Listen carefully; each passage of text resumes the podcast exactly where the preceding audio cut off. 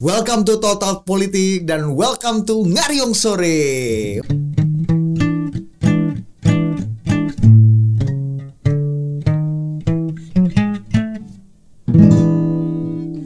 Ngaso ngariung sore. Wah, Ngariong Sore kembali lagi bersama Budi Adiputro dan tokoh yang Hmm. kita junjung dan kita tiru. Ah, guru Hmm. adalah kakek segala tahu Bambang Harimurti. Halo Mas Bambang. Halo, apa kabar? Mantap nih Mas. Kita Iya. biasa ketemu di langit-langit, di Mm-mm. udara. Sekarang kan berkunjung ke tempat Iya. adik-adik. Gimana Mas ngeliat perjalanan Oke sedikit total politik nih? Selamat nih total politik udah punya progres nih ya. Heeh. Kalau tadinya kita online dari rumah masing-masing, sekarang udah punya studio sendiri. Benar. Nih ini, ini Daerah elit lagi. Wah itu Hmm. dia daerah elit. Hmm. Dan dan penting nih karena banyak banget yang setiap kali komen di YouTube atau di Instagram kita, Hmm. mana nih KST KST BHM. Wah ini kita hadirkan untuk Ya. anda. Jadi anda jangan lupa eh, komen, jangan lupa subscribe Total Politik. Ya ini Aryo sore kali ini kita akan bicara mengenai biasanya kan kita interaktif mas, Ya. jawab pertanyaan-pertanyaan orang. Tapi nanti mungkin Ya. pada waktunya kita bisa coba juga Ya. tuh eh, interaktif dengan eh, netizen juga. Tapi Hmm. kayak kali ini kita bicara mengenai satu hal yang paling baru dari Asia Hmm. Tenggara yaitu kita ke negara tetangga kita Filipina mas. Ya. Eh, menangnya eh, Ferdinand Marcos Junior Hmm. atau Bongbong dengan Sarah Duterte, anak Iya. dari sa- yang satu anak dari Ferdinand Marcos, yang satu lagi anak dari Adik. oh adik dari, Ya, eh, dari Rodrigo Rodrigo. Duterte. Iya. Nah ini menarik. Sel- eh, kita minta perspektif Mas Bambang. Hmm. Banyak eh, media terutama di Indonesia menganggap bahwa ini alarm Hmm. demokrasi buat Indonesia dan Iya. alarm demokrasi buat Filipina sendiri. Iya. Nah, Mas Bambang melihatnya seperti apa? Kalau saya melihat ini sebenarnya alam alarm buat demokrasi di seluruh dunia dan karena di seluruh Indonesia bagian dari dunia, Heeh. Indonesia termasuk yang mengalami ancaman itu juga ya. Hmm.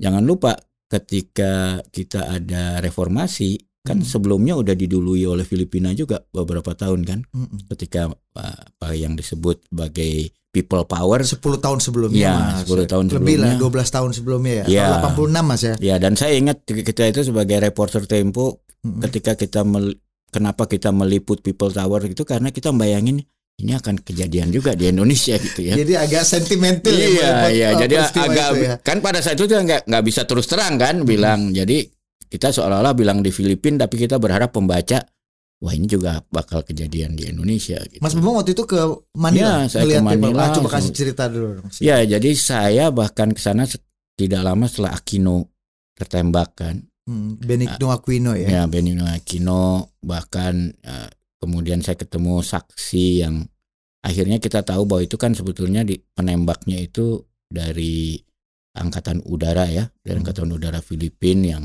disuruh Imelda Marcos lah tapi nggak bisa dibuktikan kita semua tahu tapi eh, putus untuk bukti hukumnya gitu ya Iya, Kayak kentut aja gitu. iya Mas. putus bukti hukumnya kayak, kayak kasus Munir lah kalau di kita gitu kan kita Emang tahu? kita Emang sebagai Bambang tahu siapa kita sebagai wartawan semua Ah. umumnya tahu lah sebetulnya nah, dugaannya tapi secara hukum kan Kan dua ada hal yang berbeda. ada Polikarpus kan di Iya, tapi akhirnya bebas kan? Iya. Iya. Artinya ada lagi lah. Ya nggak di Filipina juga ada si Ah. orang yang penembaknya itu eh, dihukum tapi berhenti di situ gitu loh. Oke, oke.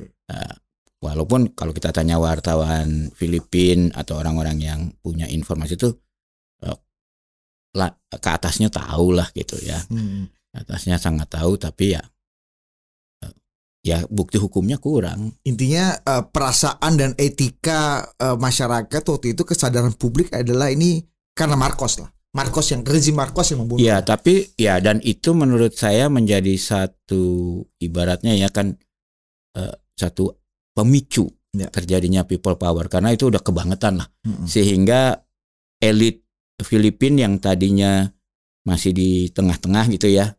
Anu, merasa wah ini udah Marcos udah kelewatan. Oke. mulai mendukung apa eh, gerakan untuk menjatuhkan Marcos. Ini kan sama sebenarnya terjadi pada saat reformasi kan. Waktu itu pasti eh, Budi ngerasain juga Mas Budi ini. Orang-orang yang berdemo itu kan bingung. Cari duit tuh gampang gitu, cari Mm-mm. bantuan tuh Iya. kayaknya gampang. Dan itu pasti bukan hanya dari sekedar orang-orang yang nyumbang ala kadarnya. Hmm. Ya saya belum lama ini ketemu sama salah satu tokoh eh, yang menggerakkan eh, yang aktif di UI. Dia cerita pada waktu itu dia kaget dia lagi jalan dengan mobilnya mengumpulkan logistik buat eh, gerakan mahasiswa. Tahu-tahu di satu tempat agak gelap dia dipepet oleh sebuah mobil. Dia pikir dia mau ditangkap gitu. Hmm. Ternyata dia kaget oh, ada orang keluar dari mobil itu kasih uang satu peti cash Untuk mahasiswa. untuk mahasiswa. Hmm. Kan itu nggak mungkin itu pasti bagian dari elit kan, nggak Iya. mungkin, Nggak mungkin rakyat nggak mungkin rakyat ini ya, urunan yang di jalan-jalan ya. Jadi artinya itu tahun 98. tahun 98 ya. Hmm. Oh, jadi Jadi nggak mungkin ada aktivis dan pendemo yang kelaparan aja pada waktu itu ya. Nah, dan itu juga satu pelajaran bahwa eh, satu gerakan itu akan punya momentum yang luar biasa kalau terjadi perpecahan elit ya. Oke. Nah, ini dulu nyala itu. Sorry sorry nih. Oke oke mas. Nah ini pertanyaan nanti sebelum Hmm. kita menukik lagi mengenai nanti pasti kan banyak orang nggak tahu karena kan Hmm. Di di Filipina aja kan eh, apa namanya 50% itu pemilihnya pemilih Muda pemi- ya? muda mas Ya. dari umur 17 sampai 41 Iya, tahun yang belum lahir ya waktu yang Marcos. tidak merasakan rezim Marcos kan sehingga eh, ya ketika melihat sosok eh, Bongbong dan Hmm. Sarah ini suatu hal yang baru aja Hmm. nggak ada hubungan sama masa lalu tapi dengan tadi eh, sebuah rezim dengan segala macam dosanya yang Hmm. kemudian digulingkan lewat sebuah gerakan massa people power tadi yang menginspirasi juga eh, kita juga Hmm. pada akhir tahun tahun 98 itu kemudian bisa menang Mm. pada hari ini anaknya yang Ya, merupakan bagian yang otentik lah Ya. dari dari dari rezim yang Hmm. digulingkan itu.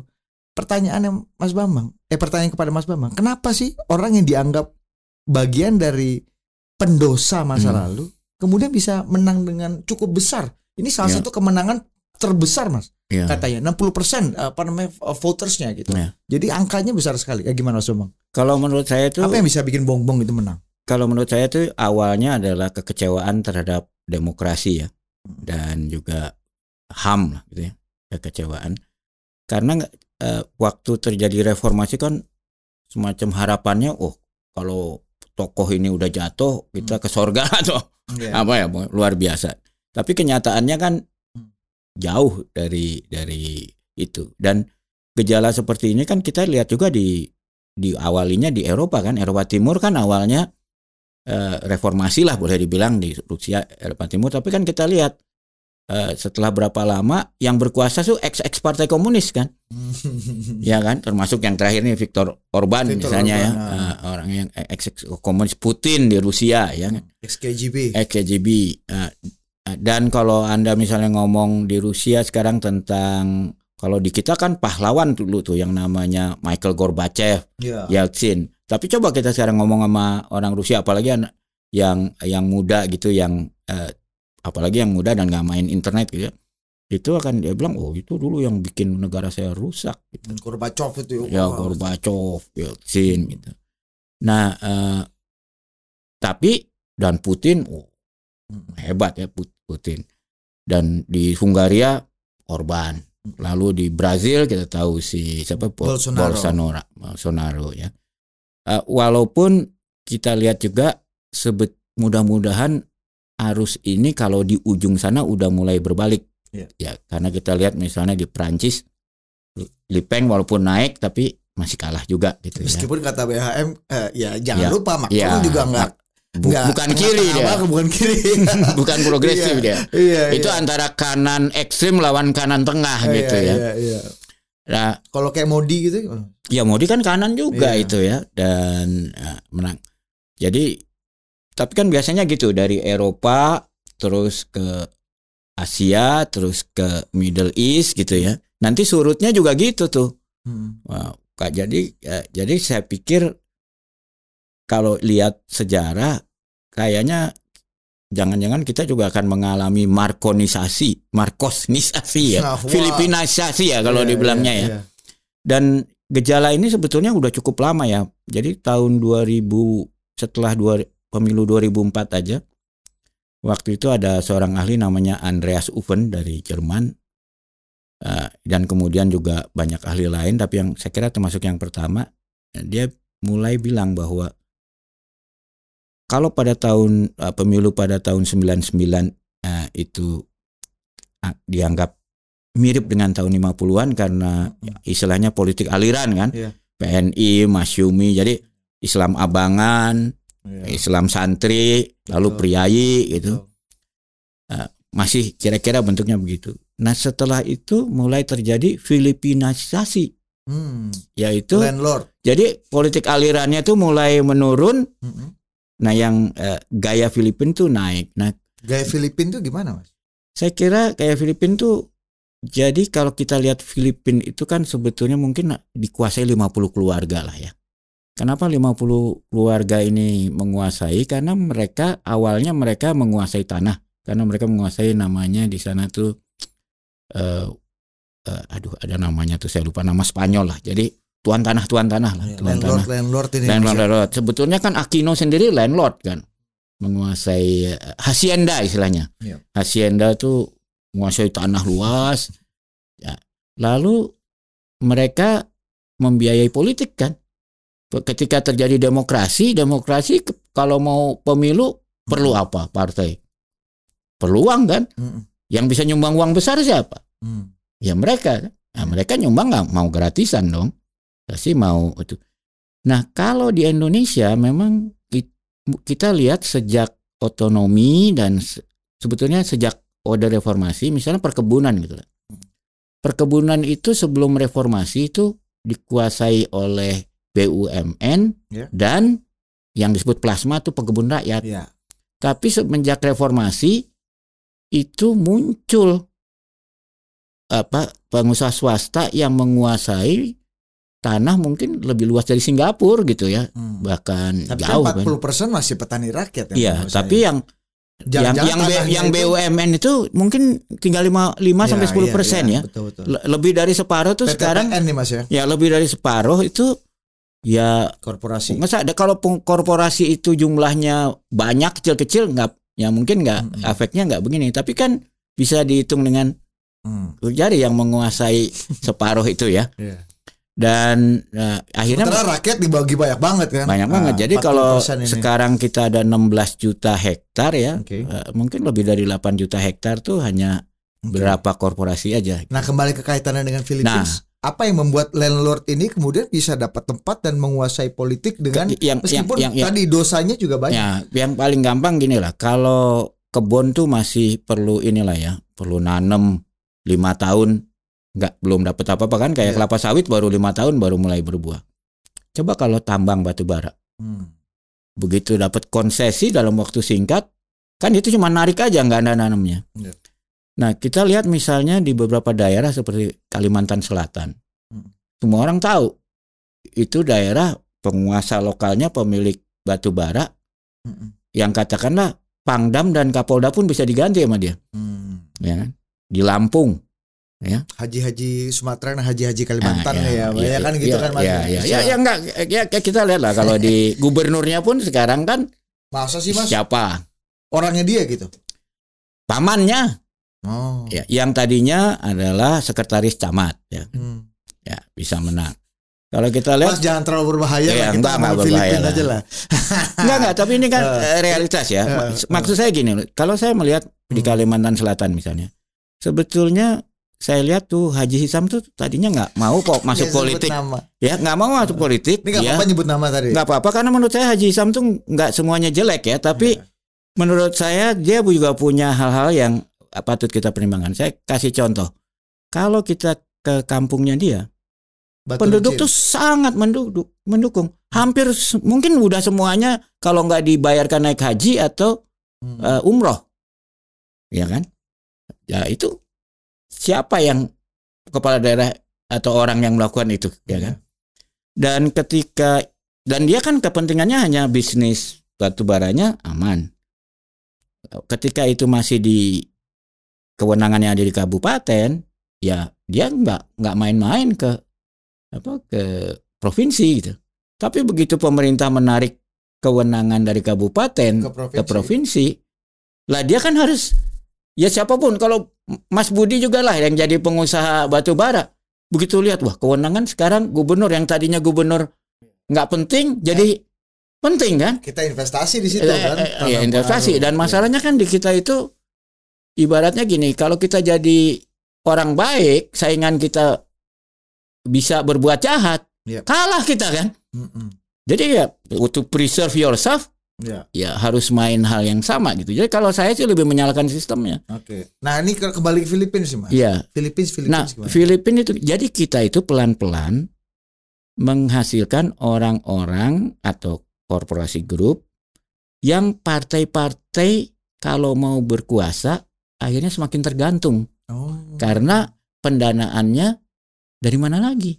Di Filipina Da- juga dan, gitu. dan saya bayang, ya mana mana kita, kita lihat eh, di Filipina duluan seperti itu karena dia hacienda gede-gede dua kan. Hmm. Bayangin kalau kita bikin partai baru gitu di Filipina, pasti kita harus mendekat pada Iya. 50 keluarga ini karena mereka punya pengaruh terhadap di Iya. wilayahnya masing-masing, Iya, iya. ya kan? Dan juga mereka punya uang yang bisa bantu kita. Iya. Jadi siapa pun partai politik di sana mau nggak mau harus deal dengan Oke. Orang Jadi ini- oligarkinya itu bukan oligarki bisnis atau eh, hanya sekedar uang dan bisnis gitu Mas. ya, Iya. Tapi penguasaan terhadap Pengaruh. tanah ini ya. dan terhadap orang-orang yang bekerja di Iya, kan? iya, iya, iya. ya kan? Bahkan di Amerika aja kita lihat ya, eh, kadang-kadang itu kan walaupun udah dibatasi sumbangan gitu, Oke. kalau ada pengusaha swasta yang gede dan ini udah dilakukan juga di Indonesia, dia pakai nama karyawannya aja semua untuk nyumbang Mm-mm. maksimum gitu. Yang penting dia kasih tahu karyawannya. Kalau karyawannya nggak keberatan, kan dia juga nggak ada salah hukumnya gitu loh. Iya. Ya, dia punya karyawan 100 ribu, Iya. ya kan, masing-masing nyumbang 10 ribu aja udah berapa, Oke. ya kan? Jadi eh, Terus apa salahnya Mas ketika tadi katakan Mas Bambang bahwa ya Bongbong dan Sarah ini juga bagian dari dinasti landlord itu ya, yang mau nggak mau daripada gua mewakilkan atau punya quote unquote boneka untuk terjun di politik ya mending kita kita aja barang Iya. ini langsung sendiri Iya, taking over gitu iya. kan. Apa salahnya? Apa bahayanya? Ya kalau menurut saya tuh dan kenapa kenapa itu tidak dianggap salah buat eh, eh, politik kekuasaan di Filipina dan demokrasi gitu ya? Ya karena kalau menurut saya sih bahayanya itu kan akhirnya demokrasinya semu. Karena sebetulnya demokrasinya itu eh, haknya orang kaya sama hak- haknya orang miskin tuh jadi Hmm, tidak sama gitu. oke Saya ya Jadi ibaratnya orang kayak Pak Jokowi yang quote unquote nobody secara Ya. politik dan secara kekuasaan dan secara finansial itu hmm, nggak akan mungkin gitu jadi pemimpin politik dan presiden wakil presiden di Filipina gitu mas. di Filipina kecuali setelah revolusi sosial gitu Hmm. nggak mungkin. Kalau di di Filipina aja eh, bisa hanya kalau dia mau jadi Boneka. ya, ya bukan boneka lah, punya deal khusus lah dengan itu. Kita Estrada kan, Estrada Iya, kan Yosef Estrada. Jose Estrada kan bukan orang yang dari keluarga oligarki itu. Iya. Tapi eh, ya dia bisa bikin deal dengan eh, keluarga ol- oligarki Meskipun itu. ada expired date-nya kan. 6 tahun. Ah, ya, ya, ada ya. expired date-nya sebelum itu juga kalau nggak dealnya nggak dipenuhi ya bisa dimasukin penjara atau kena kasus Ya, apa ya, ya, penjara. Bagusnya Filipina itu wal- walaupun keadaannya seperti itu, tapi paling nggak mereka ada expired date ya, dan masih bertahan gitu. Ya, Sebab ya. saya ingat di zamannya Ramos, Fidel ya, Ramos. Ya. Ramos pernah ada pemikiran untuk mengubah konstitusi kan, Hmm. Untuk memperpanjang gitu. Karena mungkin setelah era people power di Filipina paling bagus pemerintahan Ramos kan yang Hmm, Setelah Korea Aquino setelah. Korea Aquino. Korea Aquino kan juga ekonomi nggak terlalu bagus. Iya, Di iya, Ramos iya. itulah paling bagus. Sesudah itu kayaknya Sunset ya. sunset. Estrada, kemudian Iya. eh, eh, Arroyo segala macam Iya. Ya. Cu Filipina tuh cuma untungnya kan karena ada begitu banyak penduduknya kerja di luar negeri kirim uang ke Iya. Filipina. Kalau nggak ada gitu, Oke. Mas tapi lucu juga oh, dari remitansi Ya, eh, ya, tenaga ya, kerja asing ini ya. Tapi memang eh, kalau kita ngeliat bener juga ya. Setelah Korea Aquino, kemudian kan Fidel Ramos ini Ya. bagian dari rezim perlawanan lah ya. ya. rezim demokratis. Ya. Kemudian uh, Yosef Estrada Hmm. out of the blue ya pemain Ya, film populis lah ya. macam. Populis lah ya. Mm-mm. Eh, Arnold Schwarzenegger lah Ya, ya, ya. ada trennya waktu Ya. itu ya. Kemudian masuk ke Arroyo, Arroyo juga bagian Ya, dari elit, dinasti elit, elit kan. elit, ya. Kemudian masuk lagi ke Noy Noy Aquino lagi gitu Ya, kan. ya, ya. Apa namanya? eh eh, iya kan. Kemudian Duterte landlord. Ya, Kemudian sampai sekarang bong-bong lagi. ya. Mas Bambang ngelihatnya bahwa sebenarnya nature of politics eh, kekuasaan di Filipina memang ya dinasti elit gitu Mas. Ya kalau kalau menurut saya tuh ya yang ini kan yang disebut sebagai demokrasinya tersandera oleh oligarki ya. Mm-mm. Sebetulnya ini juga terjadi di Rusia dan di banyak tempat. Kalau menurut saya sih kalau istilahnya Saddam Hussein dulu kan the mother of the problem tuh Mm-mm. adalah sistem politik, sistem keuangan partai politiknya. Sekarang bayangin lah kalau Mas Budi ini Hmm. bikin partai baru, Mm-mm. partai Budi A gitu misalnya ya kan. PBI Partai Ya. Budi Indonesia. Terus mau membiayai partai dari mana? Hmm. Ya kan? Paling akhirnya Noel-Noel juga kan. Iya kan? Iuran anggota Iuran ada apa anggota sih? enggak usah, Iya kan? enggak usah kita ngomong partai politik. Eh, Iuran anggota organisasi profesi aja Iya. jalan nggak sih di Indonesia Iya. ya kan? ya harus ada bohir-bohir khususnya Ya, juga ya, saya, saya lihat kita lihat satu-satunya yang saya lihat iurannya jalan tuh cuma Pak, eh, serikat buruhnya siapa namanya metalik metal itu. Said Iqbal bukan. Saya Iqbal aja itu jalan. Iya. Ya, tapi itu kan terbatas juga karena eh, serikat itu ya mungkin dia bisa ngerakin masa sepuluh ribu lah gitu kali ya. iya, iya. Yang yang lain mana ada yang iurannya jalan. Hmm. Akhirnya ujungnya ya Oke. ke oligarki. Jadi kalau menurut saya sih kalau mau mikirin solusinya supaya kita nggak Filipina itu sebetulnya nggak terlalu sulit. Eh, Saya pernah bikin penelitian kalau misalnya untuk setiap partai politik kita kita meniru Eropa Barat terutama Eropa Utara aja lah. Untuk satu suara yang diperoleh kasihlah 50.000 ribu rupiah per tahun. Ya kan kira-kira Ini, kita ada pen- ini bicara pendanaan partai politik ya, Iya, ya? iya. Oke. Jadi kasih aja lah kalau kita bicara ada 150 juta pemilih ya. Ya. Kalau 150 juta pemilih kalau ti- tiap tahun kita kasih 1000 itu kan 150 miliar. Ya. Kalau 10 ribu satu setengah T. Kalau 100 ribu 15 T. Ya. Ya. Saya pikir kita Oke kasih lah ya. 15 T kecil lah itu. Fine lah ya. Kecil lah itu lima- 15 T setahun untuk tapi karena itu uang dari publik ya harus transparan kan penggunaannya Iya. dilaporin biasa dan partai politik itu kalau Mas Budi jadi sekjen kalau dapat 10.000 ribu aja per per suara Per per, suara. tahun itu udah nggak mikirin overhead Iya. Ya ibaratnya kalau di total politik udah nggak ya, udah nggak ya. mikirin sewa kantor Ya. udah nggak mikirin Gaji apa gaji-gaji sekretaris karyawan, ya, gitu benar. tinggal mikirin program lah nyari duit pro Gaji program di Vio, gaji Rian. kalau iya kalau dikasih 50 ribu apalagi 100 ribu Mm-mm. ya partai-partai itu bisa bikin program Ada yang misalnya bilang gini Mas Bambang, ada yang bilang gini, Hmm. oh dikasih sepuluh ribu, malingnya lima puluh ribu, dikasih lima puluh ribu, ah, malingnya seratus ribu. Jadi, Ya. Ah gimana Ya, tuh kalau kalau ada ya, pesimisme ya kayak ya gitu gimana? ya sebetulnya gini kalau kalau dikasih uang publik pertama itu akan harus transparan Hmm. ya kan kedua kita bisa jadi apa eh, di negara-negara yang Eropa Utara Eropa di mana kalau kita ketemu saya kebetulan kenal beberapa mantan perdana menteri kepala daerah wali kota namanya mereka tuh nggak keluar duit untuk terpilih Hmm, Di mana tuh? Ya di negara-negara Eropa Utara, Eropa Barat gitu ya. Karena pak partai yang nyari orang yang bisa menang siapa, Hmm. ya kan? Sehingga banyak orang-orang yang memang eh, punya nama karena dia memang selalu mengerjakan pekerjaan yang membantu rakyat dan sebagainya gitu Iya. loh. Dan eh, jadi kita lihat orang kayak Jerman gitu misalnya perdana menteri yang paling lamanya Merkel kan. Hmm. Merkel hidupnya sederhana tuh. Ya kan? Kemba- jadi pensiun juga dia sederhana.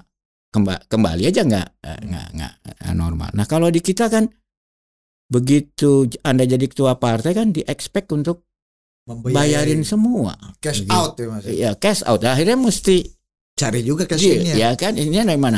Nah, kalau dari publik Oke. Jadi dan dan saya kira para konglomerat pun sulit untuk mempengaruhi par- Oke. Oligarki sulit untuk menyandera gitu. Oke. Nah, ini dalam konteks Filipina Anda lihat ada penyanderaan ini. Oh itu belum dari dulu pak penyanderaan dan menurut saya salah satu sebabnya Marcos kembali populer keluarga Marcos. Pada zaman Marcos ibaratnya karena dia menggunakan keadaan darurat, Hmm.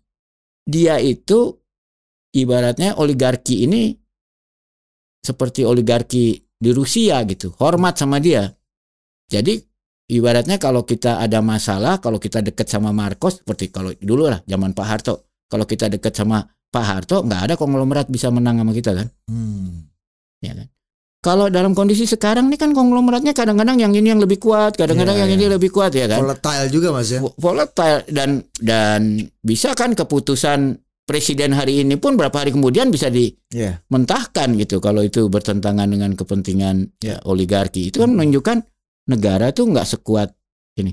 Nah, menurut saya salah satu sebab kenapa Marcos terpilih, kenapa Putin juga Iya. terpilih terus, paling nggak di mata rakyat itu dia lebih dia bisa negara lebih kuat ya, dalam tanda kutip ya, Iya, iya. negara itu lebih kuat daripada oligarki gitu. Hmm. Jadi harus orang yang oligarki itu respect dan tunduk gitu ya. Iya. Nah iya. inilah yang membuat kenapa juga misalnya bukan bonekanya oligarki gitu Iya, loh. Iya, iya, karena dia juga udah cukup kuat secara financing dan Iya. politik dan pengaruh gitu ya Iya. untuk tidak mau diatur sama oligarki. Iya. Yang menarik ini Mas, kalau kita lihat bongbong itu yang dapat eh, perolehan suara sekitar 60% which Hmm. is eh, tinggi sekali Iya, katanya lebih tinggi dari Iya. Duterte bahkan Iya.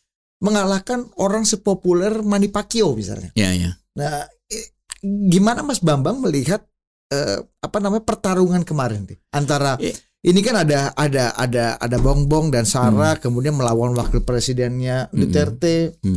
aku lupa namanya siapa, Oh si Le- Le- Lenny, Lenny Rodrigo. ya, Lenny Rodrigo ini kemudian la- lawan Pacquiao juga Hmm. segala macam. Hmm. Gimana Mas Bambang ngelihat kenapa yang membuat oh ya ini Bongbong dan Sarah ini bisa memenangi eh, pertarungan yang bukan dengan orang-orang yang lemah juga. Ini Hmm. kan kuat juga gitu Mas ngeliat. Kalau menurut saya dia karena dia bisa menempatkan diri sebagai tokoh yang bukan yang itu. Karena kalau kita lihat strateginya si Bongbong ya, Hmm. dia menolak diwawancara. Hmm. Debat aja dia tolak, debat oleh KPU-nya. Dia nggak mau jawab. Yang dia lakukan hanya nembak terus lewat sosial media ya dari awal kenceng sosial media. Jadi dia tuh kalau kalau dalam ilmu komunikasi itu dulu pertama Rand Corporation nyebut the fire hose of Falsehood, falsehood, ya. Iya. Jadi kalau kita sembur terus gitu, Mm-mm. nah itu lama-lama nempel juga itu kan, Hmm. nempel juga. Dan yang pertama dia lakukan adalah membersihkan Nama. nama, mengubah sejarah. Hmm. Dan mengubah sejarah itu kan bukan sesuatu yang mustahil. Kalau kita lihat aja bagaimana misalnya eh, generasi generasi aku lah supaya lebih gampang namanya me- apa melihat eh, komunis gitu. Ya. Sama generasi adik kamu lah. Ya. Yang nggak pernah ngalamin itu melihat komunis itu pasti kita Iya. jauh banget bedanya. Nah, apa sih Mas Bambang Apaan ini nih ya takut kan? sekali gitu, iya kan, gitu kan. Sing- bahkan seolah-olah apa komunis itu nggak pernah salah lah gitu. Iya, iya. Ya. Dan juga kalau apa, eh, nah itu yang dilakukan oleh Bongbong kan. Hmm. Dan seperti anda bilang tadi kan, berapa persen sekarang yang orang 50%, pemilih itu, itu ya, 50% persen orang-orang yang lahir tidak pernah tidak pernah mengalami, mengalami era Marcos. era Marcos. Jadi ya buat mereka tuh lebih mudah Hmm. digarap. Apalagi kan pasti generation gap itu bahwa anak itu ingin beda sama orang tuanya itu kan agak Iya. natural ya. Iya. Belum lagi orang-orang yang dulu yang kecewa terhadap demokratisasi di Iya. Filipina yang dia merasa penak zaman kuto. Iya kan? Kalau iya. kata Marcos, penak zaman kuto. Iya. Oh iya juga kan sekarang orang-orang tua kita dulu, orang-orang tua kita sekarang aja pada Iya. bilang gitu kan, Iya. Mas.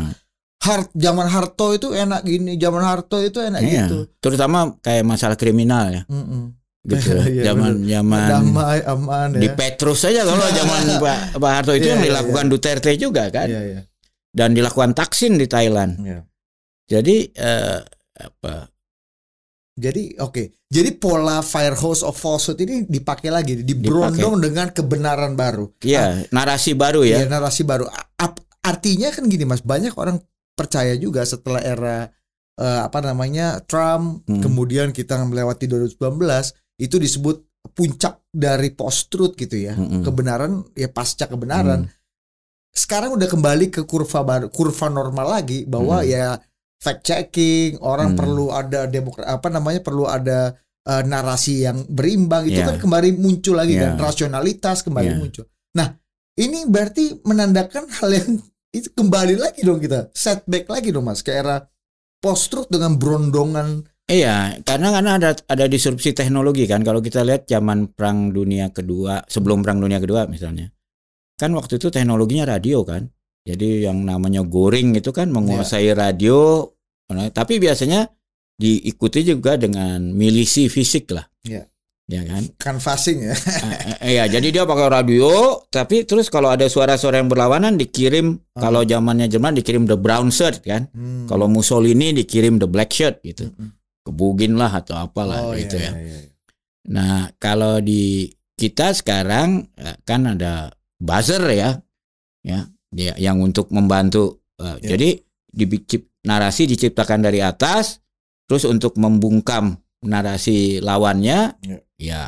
Nah, masalahnya buzzer itu kan sebetulnya eh, kebanyakan kan bukan ideolog kan, itu kan Hmm. masalah ya, siapa yang bayar aja kan. Iya. Nah, siapa yang sanggup bayar? Iya. Nah, akhirnya menurut saya posisi demokrasi terhadap segelintir orang yang punya kekuatan ekonomi itu Yang Jadi nggak imbang. true social media. ya karena dia bisa, menguasai menciptakan ini ya. narasi, bisa menciptakan karena itu menurut saya harus ada keseimbangan di sisi ekonomi ini. Mas, tapi kan gini, kalau memang ada serangan buzzer gitu Hmm. ya, ada serangan fire source of falsehood gitu, Hmm. Ing- yang ingin membilas nama baik Marcos gitu ya, itu kan harusnya ada narasi yang berlawanan. Hmm. Harus ada pejuang-pejuang demokrasi Iya. yang betul-betul punya concern terhadap proses demokrasi ini juga bisa melawan dengan pola yang sama gitu. Iya. Tapi kenapa mostly orang yang kemudian termanifestasi dari Hmm. suaranya bong-bong yang besar sekali itu percaya bahwa Marcos tidak bersalah. Percaya bahwa Marcos membawa kejayaan Filipina. Ah gitu, Mas. Ya karena sekarang tuh gini ya, itu uh, sosial media apalagi kayak Facebook gitu ya. Itu kan memberi pada pada siapa pun yang ingin menggunakannya data yang sangat detail Hmm. dan eh, orang itu kan ada kecenderungan ingin percaya yang sesuai dengan kepercayaannya Mm-mm. dan ingin tidak percaya pada hal yang mengganggu kepercayaannya. Saya kasih contoh lah, eh, ini misalnya terjadi kenapa orang-orang dalam tanda kutip ya setelah ikut pengajian makin radikal gitu, atau setelah ikut apa retret makin radikal Iya, gitu iya, ya. iya. Karena kan dia berada dalam satu komunitas yang sama kepercayaannya dan sama-sama ingin tidak ti- tidak mau percaya pada hal yang bertentangan dengan kepercayaannya. Iya, iya. Nah, kalau kalau sebelum zaman media sosial, mereka hanya bisa berkumpul ke pengajian atau ke gereja atau ke kuil dengerin itu ya. Mm-mm. Tapi sekarang ada virtual itu. Mm. Tem- Kita nggak usah keluar dari rumah, kita bisa bergabung dengan orang-orang yang sependapat Iya. itu. Echo chamber ini. Echo Mas. chamber itu dan Hmm. kemudian orang kalau kita ingin mengubah narasi mereka kan tinggal lihat di mana gua masuk gitu. Hmm. Ibaratnya kalau kayak penipu ya, penipu profesional. Mereka kan cari komunitas. Iya. Lalu dia arahkan pada kepalanya. Kalau siapa orang paling Hmm. pengaruh itu. Kalau dia berhasil membuat si pemimpin komunitas itu Iya. masuk dalam jebakan dia, yang lain tuh ikut, Oh, nggak iya. mikir lagi. Ini sebutannya kalau di Ja- Jaksel itu influencer, Mas. Iya ya, influencer ya. Iya. Pengaruh kalau bahasa Iya, Tempo. iya. ya. Pengaruh karena kan banyak orang tuh kan seka, zaman sekarang tuh kan terlalu banyak hal yang harus kita putuskan Betul. Sehingga Dan akhirnya kita patron itu penting ya. capek kan Iya. akhirnya kita pikir udah siapa yang gua percaya soal ini Ah, gue ikut pokoknya kali gue ikuti aja gitu Hmm. Akhirnya dengan nah di Filipina juga kayak nah gitu. masalahnya dengan media sosial dengan algoritma lainnya sekarang lebih mudah mendeteksi. Oke. siapa aja mereka itu Micro targeting jadi Iya, maksudnya. jadi- Ya artinya maksudnya kelompok pro demokrasi juga tidak punya daya dan kuasa dan energi dong untuk bisa memberikan kebenaran yang sejati tentang apa yang terjadi sebenarnya sehingga ini kan juga agak wah nanti bisa dipikir Harto itu baik betul gitu misalnya nanti pada akhirnya gitu di oh saya, Indonesia. saya kira enggak kalau uangnya cukup ya nggak nggak nggak sulit saya rasa Iya. untuk membalikan itu nggak Ya untuk masih ada orang kayak Masinton sama Adian Napi Tupulu gitu kali masih Iya. di parlemen jadi masih bisa teriak-teriak. Iya tapi Budiman. ya contoh yang paling gampang ini aja lah kemarin nggak pernah kita membayangkan Hmm. bahwa apa eh, di bawah kepemimpinan Pak Jokowi seorang boleh dikata kita bilang dia jadi presiden karena reformasi dan demokrasi Indonesia Hmm. bisa terjadi wacana yang sangat serius untuk melanggar konstitusi dengan tiga periode atau perpanjangan masa jabatan itu bagi saya tuh gila ya nggak apa padahal kan kalau kita tahu setiap pejabat publik itu harus disumpah Hmm. dan sumpahnya itu adalah taat konstitusi. Tapi bisa menyampaikan kalau orang Iya. pribadi sih nggak apa-apa. Pejabat publik bisa menyerukan untuk melanggar konstitusi itu buat saya something wrong gitu ya. Preserve, protect, and defend the iya, constitution. iya. Kalau kalau pejabat publik aja tidak mau Oke. mempertahankan konstitusi, konstitusi bukan tidak bisa diubah, Ya, ya, ya. tapi bukan dari sana gitu loh. Jadi um, Mas Bambang bisa nggak menyimpulkan ya ya bong terpilihnya Bongbong dan Sarah ini adalah kekalahan demokrasi atau coba- kekalahan kebenaran. Kalau menurut saya terpilihnya Bongbong dan si Sarah. Duterte itu menunjukkan bahwa literasi media sosialnya emang belum sampai memadai gitu loh. Ini kan eh, Yep. perlu waktu gitu loh untuk masyarakat untuk tahu, apalagi di daerah-daerah yang dasar pemikirannya itu bukan critical thinking ya. Mm-mm. Ih, Kalau soal ini ya, Budi pasti tahu lah. Mas. Ini ketika tahun 1935 terjadi polemik kebudayaan. Itu 1935 loh, itu Hmm. hampir 100 tahun lalu ya. Iya. Lamanya. Itu kan sebetulnya mereka mikir kenapa sih Indonesia yang penduduknya waktu itu kalian 60 juta Mm-mm. bisa dijajah oleh Belanda yang 6 juta gitu gaya. Penduduknya setengah Iya. dunia lagi jauhnya gitu. Itu kan lebih karena mindset kan. It, bahwa bangsa kita takluk udah yakin orang Belanda lebih hebat aja gitu, ya. Nah kemudian jadi pemikiran kan ini kan orang-orang polemik kebudayaan kan orang yang pernah belajar ke Belanda Iya. orang bilang orang Belanda ya sama aja Ya, kok sama kita aja, gua iya. gebuk juga Gitu. tapi untuk meyakinkan orang yang Jutaan belum orang, pernah iya. kayak, oh, bahwa seperti itu sam- mungkin sampai sekarang belum 100% berhasil loh Hmm. udah 100 tahun gitu ya kan Iya. apa mereka dengan pakai punjangga baru pakai buku Iya. buku itu Nah, kemudian saya kebetulan baru nulis apa kata pengantar buat bukunya Tudung Mulia Lubis. Tudung Mulia Lubis keluar belajar konsep hak asasi manusia. Mm-mm. balik ke Indonesia mau merubah Main- mengubah mindset orang Indonesia tentang how wah sampai sekarang kan masih banyak musuhnya gitu ya. Uh, karena itu sesuatu konsep yang eh, bertentangan dengan kepercayaan yang ada selama ini. Nah, menurut saya demokrasi juga eh, ya ibaratnya kepercayaan budaya kita daripada demokrasi mendingan dipimpin ratu adil gitu kan masih cukup kental walaupun nggak sekental 100 tahun lalu ya.